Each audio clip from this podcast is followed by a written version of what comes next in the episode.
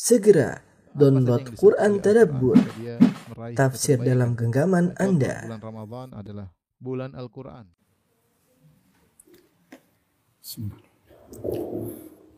إن الحمد لله نحمده ونستعينه ونستغفره ونتوب إليه ونعوذ بالله من شرور أنفسنا وسيئات أعمالنا من يهده الله فلا مضل له ومن يضلل فلا هادي له وأشهد أن لا إله إلا الله وحده لا شريك له وأشهد أن محمدا عبده ورسوله لا نبي بعده يا أيها الذين آمنوا اتقوا الله حق تقاته ولا تموتن إلا وأنتم مسلمون فإن أصدق الحديث كتاب الله وخير الهدى هدى محمد صلى الله عليه وسلم وشر الأمور محدثاتها وكل محدثة بدعة وكل بدعة ضلالة وكل ضلالة في النار معاشر المسلمين أوصيكم ونفسي بتقوى الله فقد فاز المتقون Di antara dosa yang sangat berbahaya adalah berbuat zalim kepada orang lain. Al-Imam Syafi'i rahimahullah pernah berkata, "Bi'sa zat ilal ma'ad al-udwanu 'alal ibad." Seburuk-buruk perbekalan menuju hari kebangkitan adalah berbuat zalim kepada orang lain. Oleh karenanya diriwayatkan dari Sufyan Ats-Tsauri rahimahullah beliau pernah berkata, "La an alqallaha bi sab'ina dhanban fima baini wa bainallah ahwan fima bainaka wa bainallah ahwan anta min an talqahu bi dhanbin wahidin fima bainaka wa bainal ibad.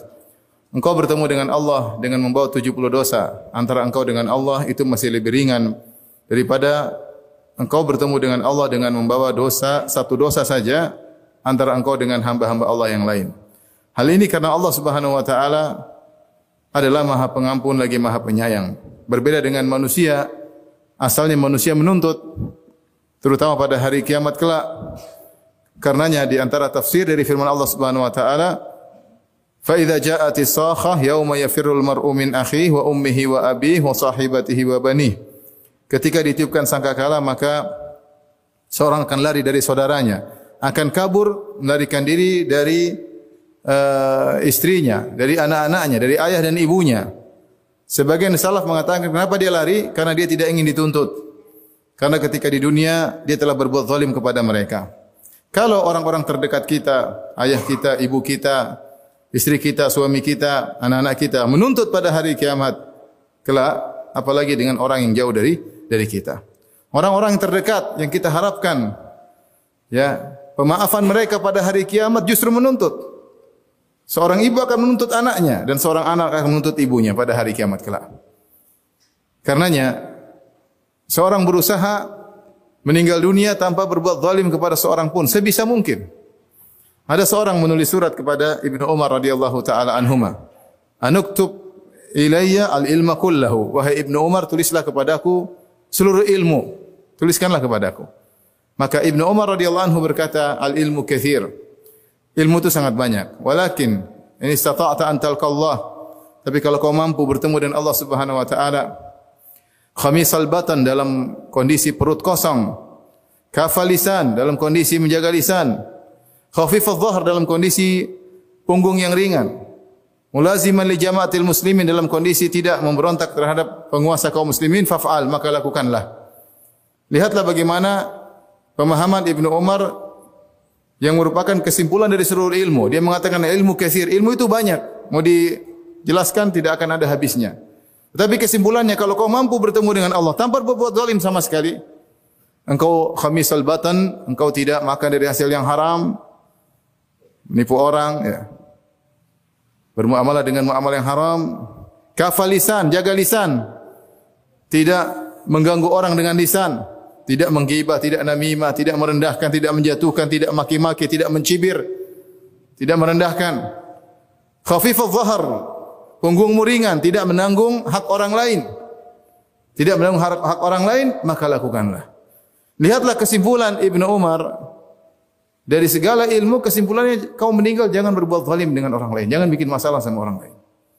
Hal ini kenapa? Jika kita dibangkitkan pada hari kiamat kala berbuat zalim kepada orang lain, maka kita harus membayar dengan kebaikan-kebaikan. Dalam satu hadis Rasulullah SAW bersabda, "Man kanat lahu madlamatun li akhihi min ardin aw syai'in falyatahallalhu minhu al-yawm qabla alla yakuna dinar wala dirham." Barang siapa yang punya kezaliman kepada orang lain, kepada saudaranya, berbuat zalim kepada saudaranya, maka hendaknya dia minta dihalalkan hari ini juga. Sebelum datang hari di mana tidak ada dinar dan dirham, tidak ada. Semua dibangkitkan tanpa membawa apa-apa. Jangan bawa dinar dirham, pakaian tidak punya, alas kaki tidak ada. In kanat lahu hasanat ukhidat minhu qadra madzlamati. Kalau dia punya kebaikan-kebaikan, punya pahala-pahala akan diambil darinya untuk membayar kezaliman yang dilakukan. Sekadar kezaliman yang dia lakukan. Wa ilam takun lahu hasanat. Kalau dia tidak punya kebaikan-kebaikan, ukhidat min sayyiati sahibihi thumma turihat alaih maka dosa-dosa orang yang dia zalimi akan diambil dan dilemparkan kepadanya. Ini perkara yang mengerikan. Makanya Rasulullah SAW mengabarkan tentang orang yang merugi. Atadruna manil muflis? Tahukah kalian siapa orang yang bangkrut? Muflis itu orang yang bangkrut. Para sahabat mengatakan al-muflisu man la mata' wala dirham wala dinar. Namanya orang bangkrut tidak punya dinar, tidak punya emas, tidak punya perak, tidak punya aset. Kata Rasulullah SAW, al-muflisu min ummati. Orang yang bangkrut dari umatku. Man ya'ti yaumal qiyamah. Orang yang datang pada hari kiamat. Bisolatin wa zakatin wa siyamin dia bawa pahala salat, dia bawa pahala zakat, dia bawa pahala puasa. Pahala sangat banyak. Wa ya'ti akan tetapi waqad syatama hadza wa qad daraba hadza wa safaka dama hadza wa akhadha mal hadza. Tetapi ternyata dia telah di dunia ketika di dunia dia telah mencela orang lain, telah mencela si fulan, dia telah mukul si fulan, dia telah makan harta si fulan, dia telah menumpahkan darah si fulan. Ya. Maka Wa yu'ta hadha min tu'ta hadha min hasanati wa hadha min hasanati. Maka dosa, pahala-pahalanya diambil diberikan kepada orang yang dia zalimi. Fa in faniyat hasanatuhu qabla an yuqda ma Kalau ternyata dos, pahala-pahalanya sudah habis sebelum lunas dosa dosa kezalimannya, ukhidat min sayyiatihim faturihat alaihi thumma turiha finnar. Maka dosa-dosa mereka akan diambil kemudian dilemparkan kepadanya, dipikulkan kepadanya, kemudian dilemparkan dalam neraka jahanam. Waliyadzubillah. Ya, karenanya, ma'asyiral muslimin, seorang berusaha ya hidup di atas muka bumi ini tidak berbuat zalim kepada siapa pun. Rasulullah SAW bersabda, "Zulm zulumatun yaumal qiyamah." Kezaliman adalah kegelapan yang bertubi-tubi pada hari kiamat kelak. Apa yang dimaksud dengan kegelapan yang bertubi-tubi pada hari kiamat kelak? Ada yang mengatakan maksudnya maknawi, yaitu orang yang berbuat zalim dia akan susah dan payah dalam setiap kondisi pada hari kiamat kelak dibangkitkan dalam kepayahan. Dikumpulkan di pada di padang mahsyar di bawah terik matahari dalam kepayahan. Dihisap dalam kesulitan, ditimbang dalam kepayahan. Semua dia akan merasakan kesulitan. Ada yang mengatakan maknanya secara zahir, zahirnya dia akan mengalami kegelapan terutama tatkala dia melewati sirat. Seorang tatkala melewati sirat dia butuh cahaya. Kalau dia tidak ada cahaya yang meneranginya dia akan jatuh dalam neraka jahanam. Sementara orang berbuat zalim, maka kegelapan bertubi-tubi meliputinya. Maka seorang waspada, jangan berbuat zalim kepada siapa pun. Baik berkaitan dengan harga diri orang lain, atau berkaitan dengan hartanya, atau berkaitan dengan ya tubuh dan darahnya. Aku lu qali hadza astaghfirullah li wa lakum wa lisal muslimin min kulli dhanbin wa khati'ah fastaghfiruhu innahu huwal ghafurur rahim.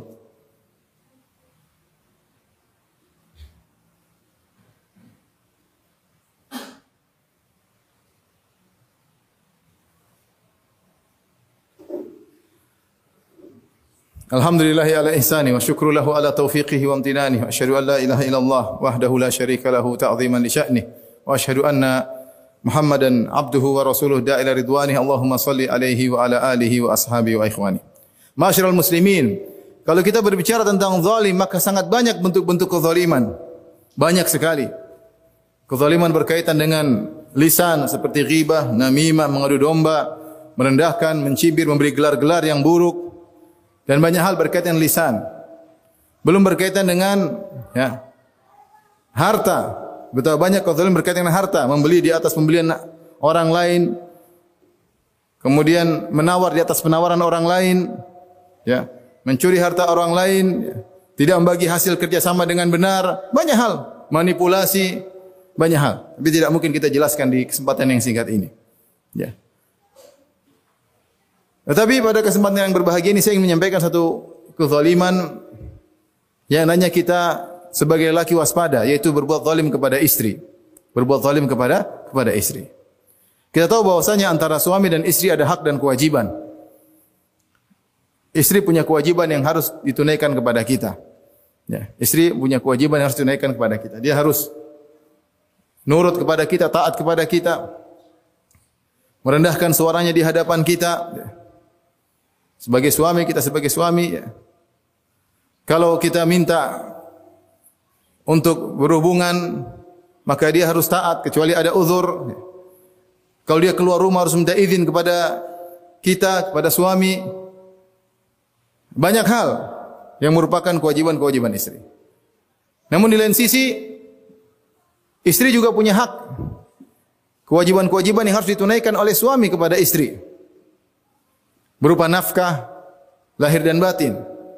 Di antaranya disikapi dengan sikap yang baik.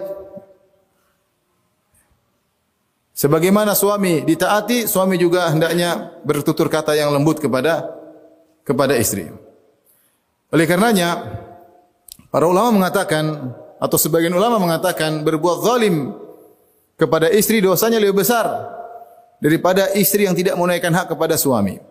Hal ini kenapa? Jika istri tidak menunaikan hak kepada suami, suami dengan mudah mungkin menceraikannya atau menggamparnya. Kalau jengkel bisa dipukul wanita tersebut. Terus dibuang ke rumah orang tuanya. Laki-laki mungkin melakukannya.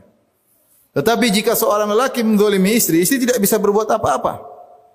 Apalagi kalau kedua orang tuanya sudah meninggal. Apalagi kalau dia tinggal jauh dari sana keluarganya. Ya. Tubuh yang lemah.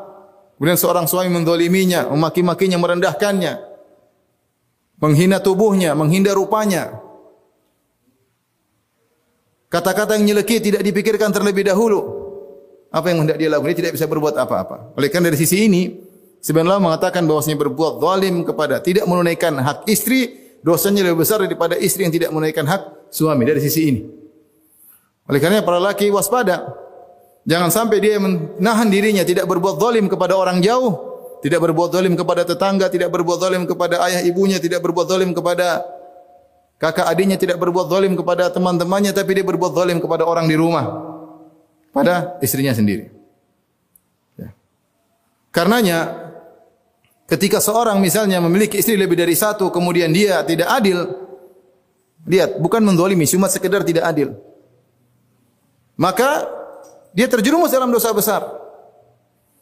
Kata Nabi SAW, Man kanat lahum ra'atani famala ila ihdahuma, ja'a yaumal qiyamati wa shikuhuma'il.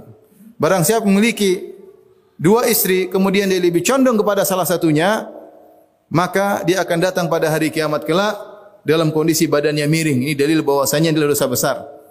Oleh karena Imam Zahabi rahimahullah memasukkan hal ini tidak adil di antara istri-istri adalah bentuk dosa besar dalam kitabnya Al-Kabair. Perhatikan, ini Nabi tidak mengatakan dia zalim kepada istri yang lain, tidak dinafkahi. Bukan, Nabi tidak mengatakan demikian, tapi mengatakan dia tidak adil. Dia lebih condong kepada salah satu daripada keduanya. Kalau condong kepada salah satu daripada keduanya saja membuat dia dipermalukan di padang mahsyar, dibangkitkan dalam kondisi badan yang miring, apalagi dia berbuat zalim kepada istri yang satunya. Maka seorang laki waspada, dia berusaha meninggal dunia tidak berbuat zalim kepada siapa pun, kepada istrinya, kepada anaknya, kepada orang rumah. Dan potensi untuk berbuat zalim kepada istri besar. Dan berulang-ulang karena seorang suami dalam rumahnya dia hidup bertahun-tahun bersama istrinya.